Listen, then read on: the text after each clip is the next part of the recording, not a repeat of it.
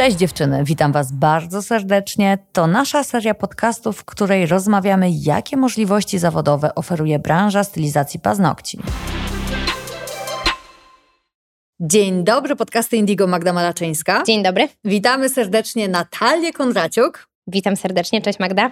Naszego instruktora, właściciela salonów, stylizacji paznokci, centrum szkoleniowego i punktu dystrybucyjnego w Warszawie. Można by długo wymieniać, Natalko. Wszystko się zgadza. Dzisiaj będziemy rozmawiać o mitach i faktach. I prawdach.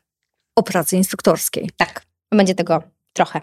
Zauważamy już od długich lat, że w naszej branży panuje przekonanie, iż prawdziwą karierę rozpoczynasz dopiero wtedy jako stylistka, kiedy przestajesz być stylistką i sięgasz po tytuł instruktorski. I to jest taka aberracja przedziwna, tak. typowo nasza branżowa, bo jak się, tak, jak się spojrzy na przykład na starszego brata fryzjerstwo, które jest dużo dłużej niż my, to nie zauważasz tego. Widzisz, że fryzjerzy, którzy przychodzą do pracy, otwierają swoje salony, mm, zatrzymują się na etapie, kiedy są właścicielami salonów, e, w których pracują ich pracownicy, a oni skupiają się na prowadzeniu biznesu. Nie widzisz tam takiego parcia, mówiąc e, kolokwialnie, na to, żeby szkolić. A u nas, u nas ono jest. I ja mam kilka teorii, skąd to się bierze.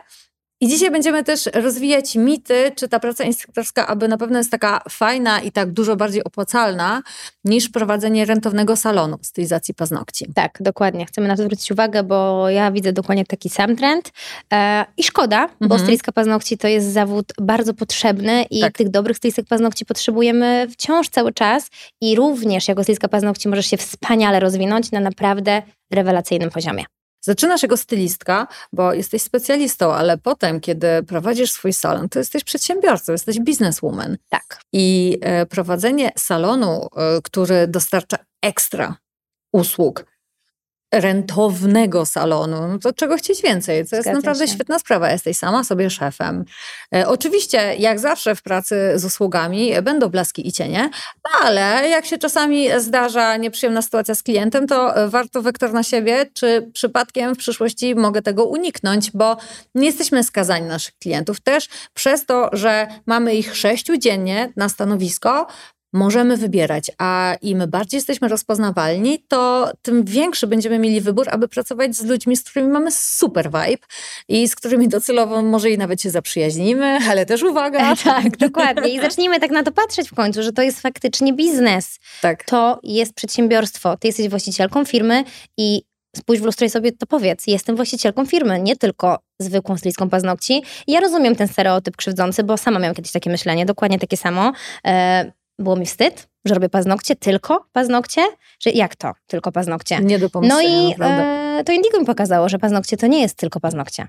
Ale miło to słyszeć. Tak, że to jest jednak zawód i tak rozwija człowieka na tak wielu poziomach i tak wielu aspektach, że to jest niebywałe.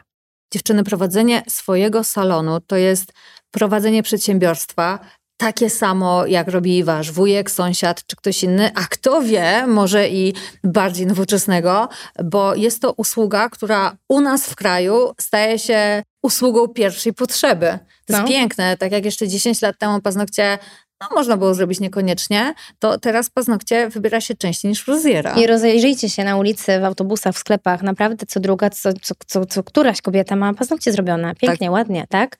Więc stylistki paznokci są potrzebne tak. i to nie jest tak, że jak jesteś tylko stylistką paznokci, to nic nie znaczysz. Absolutnie. Absolutnie to jest to, Jak nieprawda. to słyszę, to aż mi się nóż w kieszeni otwiera, bo uważam, że to jest super osiągnięcie prowadzić swoją firmę, być sobie szefem, Um, mieć grono zadowolonych klientek, które cię polecają. I móc się skalować, co jest dostępne wyłącznie w usłudze. Tak. Jak pracujesz prawda. na etacie, czy e, jesteś w jakimkolwiek innym miejscu zawodowym, nie zawsze masz taką możliwość, a ty się możesz tutaj skalować. Jeżeli jeden twój salon jest rentowny, możesz otwierać drugi. To jest piękne. Zgadza się. Masz cudowne. Dużo możliwości.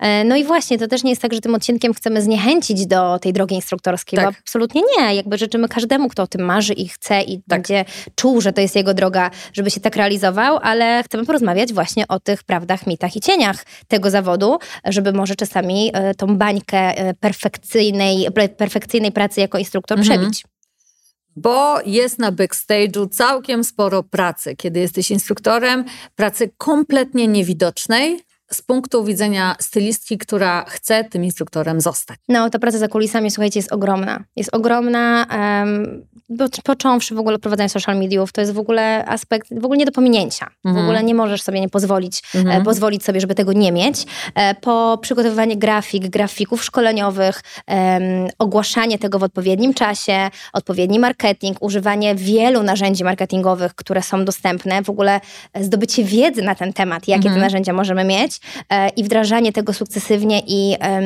rzetelnie do swojego biznesu, bo często jest tak, że coś wiemy, i to się na tym kończy. Zawężona grupa odbiorców. Dziewczyny, które myślą, że zostaną stylistkami, lub faktyczne stylistki, które mają środki i motywację, aby się szkolić. No i na pewno tych osób będzie mniej, aniżeli Dużo. klientów na usługę. No i co jest jeszcze ważnym aspektem, to to, że jeżeli zdobędziesz e, umiejętnie klienta na paznokcie, to z ogromnym prawdopodobieństwem będzie to klient, który wróci do ciebie co miesiąc, tak. czyli będzie pewnym źródłem finansowym. Jako instruktor zdobywasz w zasadzie klientów co miesiąc nowych, tak. bo nikt nie przyjdzie dwa razy na to samo szkolenie, tak. no chyba, że robisz naprawdę rewelacyjny marketing i umiesz to ograć, ale to się raczej nie zdarza, żeby ktoś dwa razy przyszedł na szkolenie z podstawy żelowej. Dokładnie, bo to świadczy o tym, że to szkolenie mimo wszystko nie było dobrze poprowadzone, jeżeli ktoś po jego skończeniu musi przyjść raz Dokładnie. jeszcze. Oczywiście twoi kursanci przychodzą na kolejne szkolenia, więc jest to też klient pozyskany, ale nie jest to tak samo gwarantowane jak ten klient, który przyjdzie na paznokcie, bo trzech, po trzech tygodniach pojawia się odrost. No i tutaj faktycznie znowu, jeżeli chcemy e, prowadzić umiejętnie biznes, być jakby w byciu instruktorem, no to jeżeli mamy tego klienta na jeden, drugi, piąty, szósty kurs, no to żeby dalej z tego klienta móc zarabiać, co musimy robić? Wymyślać kolejne produkty, kolejne szkolenia, kolejne mhm. usługi dla tej kursantki, mhm, tak. co też nie jest proste. Tak. No bo naprawdę musi to być coś wow, żeby ktoś chciał przyjść i za to zapłacić kilka kilkaset złotych. A kiedy jesteś stylistką, to tą robotę poniekąd robi za ciebie między innymi Indigo, wprowadzając nowe kolory i ty Trochę tylko tak. pyk, pokazujesz wzorniczek, to ja dzisiaj Miss Moss. No Dokładnie. to proszę bardzo. Czyli ta twoja powiedzmy... Yy ten przymus bycia kreatywnym i tak. wymyślania nowych rzeczy jest e, zdecydowanie zmniejszony tak. niż e, jeżeli jesteś instruktorem. No idąc dalej, jako kolejny aspekt, no to jest tutaj też to powiązane z niestabilnością finansową. Mhm. Dlatego, że znowu, mając klientki stałe w salonie, wiesz, że jeżeli ich masz tam 80, 100, 120, pomnożysz sobie razy średnią cenę w salonie, wiesz, że ta wypłata będzie mniej więcej na tym samym poziomie, te koszty też są raczej podobne. Mhm. W byciu instruktorem no, nikt nie zagwarantuje, jaka grupa ci się zbierze na dany termin e, i te koszty, albo może raczej straty też są większe, bo zużywa zużywamy więcej produktów, kursantkom nie wychodzi, musimy ten żel zdjąć, jeszcze raz położyć, coś się wyleje, coś się rozleje, coś się utwardzi, e, zepsuje się frezarka i tak dalej, więc koszty są większe, mhm. e, straty też mogą być większe, no i e, jakby ta niepewność w postaci ilości kursantek mhm. jest duża. I bycie instruktorem opłaca się, kiedy jest skalowalne, czyli kiedy na szkoleniu mam cztery osoby albo sześć osób. Kiedy mam jedną osobę, mogę być pod kreską, bo zjadają mnie koszty wynajęcia sali, Jezusu. Moje koszty stałe, których no nie jestem w stanie dzielić na sześć, bo mam sześciokrotnie mniejszy przychód z danego szkolenia. O tym wszystkim warto pamiętać. Słuchaj, bo to by brzmiało, jakbyśmy faktycznie zniechęcały nasze stylistki, które marzą o byciu instruktorem, ja bym jeszcze nawiązała do początku naszego podcastu. Dlaczego chcesz być instruktorem? O właśnie. Tak naprawdę, dlaczego? W ogóle zawsze zaczynajmy od tego. Zaczynaj od dlaczego. Bo inni? Bo czuję takie zewnętrzne FOMO? Bo, bo Marysia spod piątki już bo jest. Bo mi się wydaje, że będę więcej zarabiać. Bo patrzę po tych instruktorach i oni jeżdżą BMW i myślę, że mają super. Pamiętajcie, że to są media społecznościowe. To jest bardzo zakrzywiona rzeczywistość. Jakby ktoś oceniał moje życie na podstawie moich mediów społecznościowych, to ja wyglądam, słuchaj, na joginkę roku. Ja tak. tylko ćwiczę jogę i nic więcej. Czasem piję kawę na mieście. I wiesz, aż sama łapię się na tym, że nie chce mi się wrzucać tego, bo być może ja komuś obniżam poziom satysfakcji z życia, bo ktoś myśli, że w sumie Malaczyńska to tylko. nie robi. Dokładnie, nie? Z nieba spadło. Dokładnie, a to tak nie jest, tylko ja nie nagrywam tych 10 godzin pracy, które wykonuję potem, no bo nie. A jeszcze patrząc w drugą stronę, czasami ktoś widzi te wszystkie piękne obrazki, nie obserwując tego, co było wcześniej. Czyli nie bierze pod uwagę tego, że może na przykład ja jestem teraz przykładowo w Tajlandii lub jeżdżę tym BMW, dlatego, że na tych social mediach wykonałam kilkunastogodzinną pracę. No. Czyli też druga strona medalu, no. nie? Więc jeżeli oceniamy, że chcemy być instruktorami, bo widzimy, że inni instruktorzy mają się dobrze i się włączą w nas po prostu takie FOMO, że my też chcemy, to warto się zastanowić, czy to na pewno jest dobra droga, bo Ja obstawiam, że nie. Moja teza będzie taka, że to jest gonienie nie za tym, czego ja chcę, tylko za tym, co mają inni i mi się wydaje, że ja tego chcę.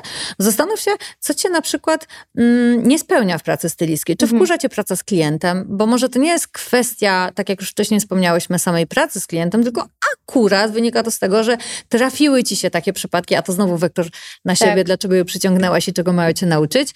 Może wyciągniesz z tego lekcję i się okaże, że za pół roku wszystkie twoje klientki to będą takie twoje dziewczyny i ty będziesz uwielbiać z nimi spędzać czas. Ja też często słyszę, że stylistki paznokci nie chcą robić tych paznokci, bo kręgosłup, bo plecy i tak dalej, ale powiem wam, że bycie instruktorem to nie jest leżenie na hamaku. No niestety, choćbym I bardzo chciała. drinka z e, Ja po takim jednym dniu szkoleniowym, gdzie na sali na przykład mam 5, 6, 8 kursantek, ja wychodzę jakby mi przejechał traktor. To jest, myślę, że w setkach tysięcy kroków, ile robię po sali szkoleniowej i kręgosłup również boli, bo też się nad tymi kursantkami muszę schylić. Tak. E, pracuję w niewygodnej pozycji na przykład. Czy któraś z was kiedyś malowała Frencha na stojąco? Ja tak, nie raz. Więc to też nie jest tak, że ja jestem super mega wypoczęta po takim szkoleniu, nie? Ale jeżeli już nawiązujemy do tego, że plecy bolą, i nie chcesz być stylistką do końca swoich dni, no to tutaj popatrzmy znowu na starszego brata fryzjera, mhm. który e, rozwijając się stworzył salon, w którym pracują inni fryzjerzy, tak. a on zajmuje się zarządzaniem tym salonem Dokładnie. i robi tylko te klientki, które lubi, jeśli chce. Tak. I ty klient. ten swój know-how możesz wtedy przekazać jakby tym swoim podopiecznym. Dokładnie tak? i też jesteś poniekąd szkoleniowcem. I też się spełniasz. No. Więc to też jest jakaś, jakaś tam droga, ale serio też bym nie chciała, żeby ktoś pomyślał, że my tutaj, wiesz, zniechęcamy, absolutnie, ale ja bym chciała, żeby mi ktoś kiedyś to powiedział, nie? No. Że słuchaj, to jest taki, taki, tak, to będzie w taki, w taki sposób wyglądało, e, tylko nie wiem, czy, czy bym się zdecydowała. ale myślę, że by to bardziej mi otworzyło oczy. Albo szybciej bym może zajęła się tymi aspektami, w jakiś sposób, gdybym wiedziała, że ok, jeżeli nie zrobię A, to nie będzie B, po prostu. Mhm. Naprawdę mam wrażenie, że ta potrzeba bycia instruktorem to wyrosła tutaj u nas w Polsce i my też guilty przyłożyliśmy do tego swoje pięć groszy, organizując między innymi e, szkolenia instruktorskie, czy tworząc yangi, ale wiecie, to też nie są rzeczy, które my sobie wymyśliliśmy. My widzieliśmy, że taka jest potrzeba rynku i na nie odpowiadaliśmy. A teraz można spojrzeć na osoby, które brały udział w tych projektach ile z nich jest instruktorami, a... Prawdziwego zdarzenia. Tak, a ile osób wróciło do robienia paznokci, a jeszcze też są osoby, które robią sobie taki model hybrydowy, czyli trochę szkolą, e, trochę robią paznokcie. Ja ci powiem, że to jest spoko, w kontekście tego, że mm, robisz jedno i drugie, no okej, okay, nie stawiasz wszystkiego na jedną kartę, więc może ciężko będzie ci o jakiś super rozwój w tej jednej dziedzinie. No jest jakaś stabilizacja, nie? Dokładnie. I no, to plus, też może być. Plus ta niezbędna pomysł. praktyka, nie? którą myślę, że instruktor powinien mieć tak. e, jako profesjonalista, żeby uczyć kursantki wykonywać paznokcie innym. Niech też sam je robi. Mm-hmm. No, więc myślę, że jak najbardziej to jest super e, podejście. Natalka, tak jak wspomniałaś, nieustanny marketing, bo to też wynika właśnie z tej naszej grupy docelowej, która jest dużo mniejsza i również sporej konkurencji.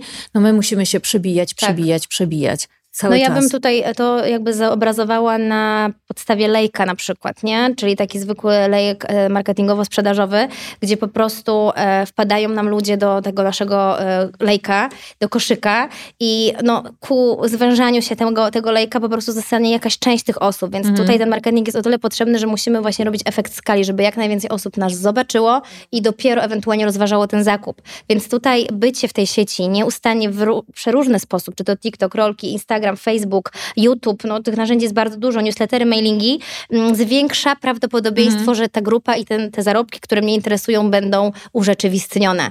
E, I po prostu idziemy tutaj w efekt skali, a to wymaga pracy. Mhm. Dużej pracy. I to się samo nie robi. To Niestety. nie jest e, ustawiony proces, który e, raz przemyślany no i sam. właśnie, co jest jeszcze tutaj ważne, żeby to podkreślić, to jest praca bez zapłaty. Czyli mhm. my poświęcamy na przykład dzień pracy. Przykładowo ja nagrywam rolki 10 godzin dziennie, nikt mi za to nie da kasy mhm. i nikt mi nie zagwarantuje, że ja za to będę miała pieniądze. Mhm. Tutaj jedyny mogę liczyć na siebie, że to, co robię, to jest dobra robota i ten ktoś, kto to zobaczy, e, zaufa mi i przyjdzie i mi zapłaci, ale jakby nie mam tej pewności, więc to jest też mhm. często taka praca e, no, pro bono. Pro bono. Dla siebie? Tak, tak. I jeżeli jeszcze nie czujesz się zwierzem marketingowym i niekoniecznie lubisz nagrywać storiesy z ręki, no to miej świadomość, że w tym momencie, nie wiem co będzie za dwa lata, ale w tym momencie to jest podstawa budowania personal brandingu, żeby ludzie mogli cię poznać, uszczknąć kawałek twojej osobowości e, przez stories, żeby wiedzieć, czy chcą w ogóle do ciebie przyjechać. I stories też świetnie sprzedaje, nie? To jest super narzędzie sprzedażowe, jeżeli oczywiście umiejętnie go wykorzystujemy. Może na zakończenie jeszcze osłodźmy trochę ten podcast. Co jest fajnego w byciu instruktorem? Dla tych osób, które mimo wszystko słuchają z tych wszystkich naszych porad, które naprawdę są z dobroci serca i z chęci uświadomienia i z chęci żeby wybrzmiało to, co same chciałybyśmy wiedzieć dekadę temu. Tak. Z mojej perspektywy, to co ja naprawdę w tej pracy lubię, to jest to, że jeżeli ja przez lata zbierałam te doświadczenia, to tym, dzięki temu ja mogę te dziewczyny jakoś ostrzec, jakoś mhm. je wesprzeć, wspomóc je, czyli trochę przyczyniam się do tego, że ta nasza branża jest e, profesjonalna, że ta branża nasza się rozwija mhm. i to jest super. E, ja w ogóle kocham kontakt z ludźmi i kocham jakby zbierać też te dane ze środowiska, więc mam bardzo dużo okazji do tego, żeby faktycznie poznać różne punkty widzenia tych dziewczyn, tych mhm. ludzi e, i też na podstawie tego gdzieś tam modyfikować swoje działania, czy mm, programy szkoleniowe. No na pewno no, nie będę ukrywała, no są to też inne zarobki, tak? Jeżeli gdzieś tam się to wszystko skleja, czyli mhm. są te mhm. grupy, są te um, kursantki chętne, wracają, polecają, no to te zarobki na pewno będą inne, aniżeli dzień pracy jako stylistka paznokci, ale no tutaj wracamy do początku podcastu, słuchamy wszystkiego i dopiero rozmawiamy o zarobkach. E, ale nie ukrywam, to też jest pewnego rodzaju motywacja i plus tej pracy, e, na co sobie zapracowałam przez lata. Słyszałaś o stylistce, która by miała pod sobą pięć salonów? No. Znaczy tak, znam taką, ale to jest jakaś procent, promil. Wiesz o co chodzi? Że osoby, które lubią wyzwania i lubią, jak się dużo dzieje, lubią się cały czas rozwijać, to jeżeli ty byś otworzyła swoją sieć salonów, to to jest taki rozwój. Oczywiście to nie tak, nie? bo to nie chodzi o to, żeby zrobić jakość ala wyspy, te tam kiedyś, które były w tak. galeriach handlowych, tylko zrobić naprawdę swoją sieć salonów i to wizualizować, że to będę robić za pięć lat że to będzie mój core. I wtedy kasa będzie, myślę, jeszcze większa niż z bycia instruktorem. Zgadza się. Biznes powtarzalny, klient przewidywalnie powracający. Tego mi brakuje, wiesz? Tak. Tego myślenia przedsiębiorczego u nas, u stylistek. Nie myślą, nie idą w tamtą stronę. Myślą, że bycie przedsiębiorczym to jest pójście w bycie instruktorem. Tylko. Też ale nie tylko. Tak. Właśnie o to Tych chodzi. opcji jest dużo. Czy sprzedaż jakichś produktów, czy dystrybucja, czy... Oj, no naprawdę mamy tutaj mnóstwo możliwości, nie? Do, czy jakieś porady biznesowe na przykład, też jakieś mhm. konsultacje. Dokładnie. E, jako przedsiębiorca, tak? Więc mhm. myślę, że tutaj tych opcji jest dużo i teraz wybierz, co dla Ciebie będzie najlepsze. Z tą myślą, kochane nasze słuchaczki i słuchacze, zostawiamy Was. Dziękujemy bardzo, że byliście z nami na podcaście. Dzięki wielkie za uwagę. I do usłyszenia na do kolejnym. Usłyszenia. Cześć! Hej.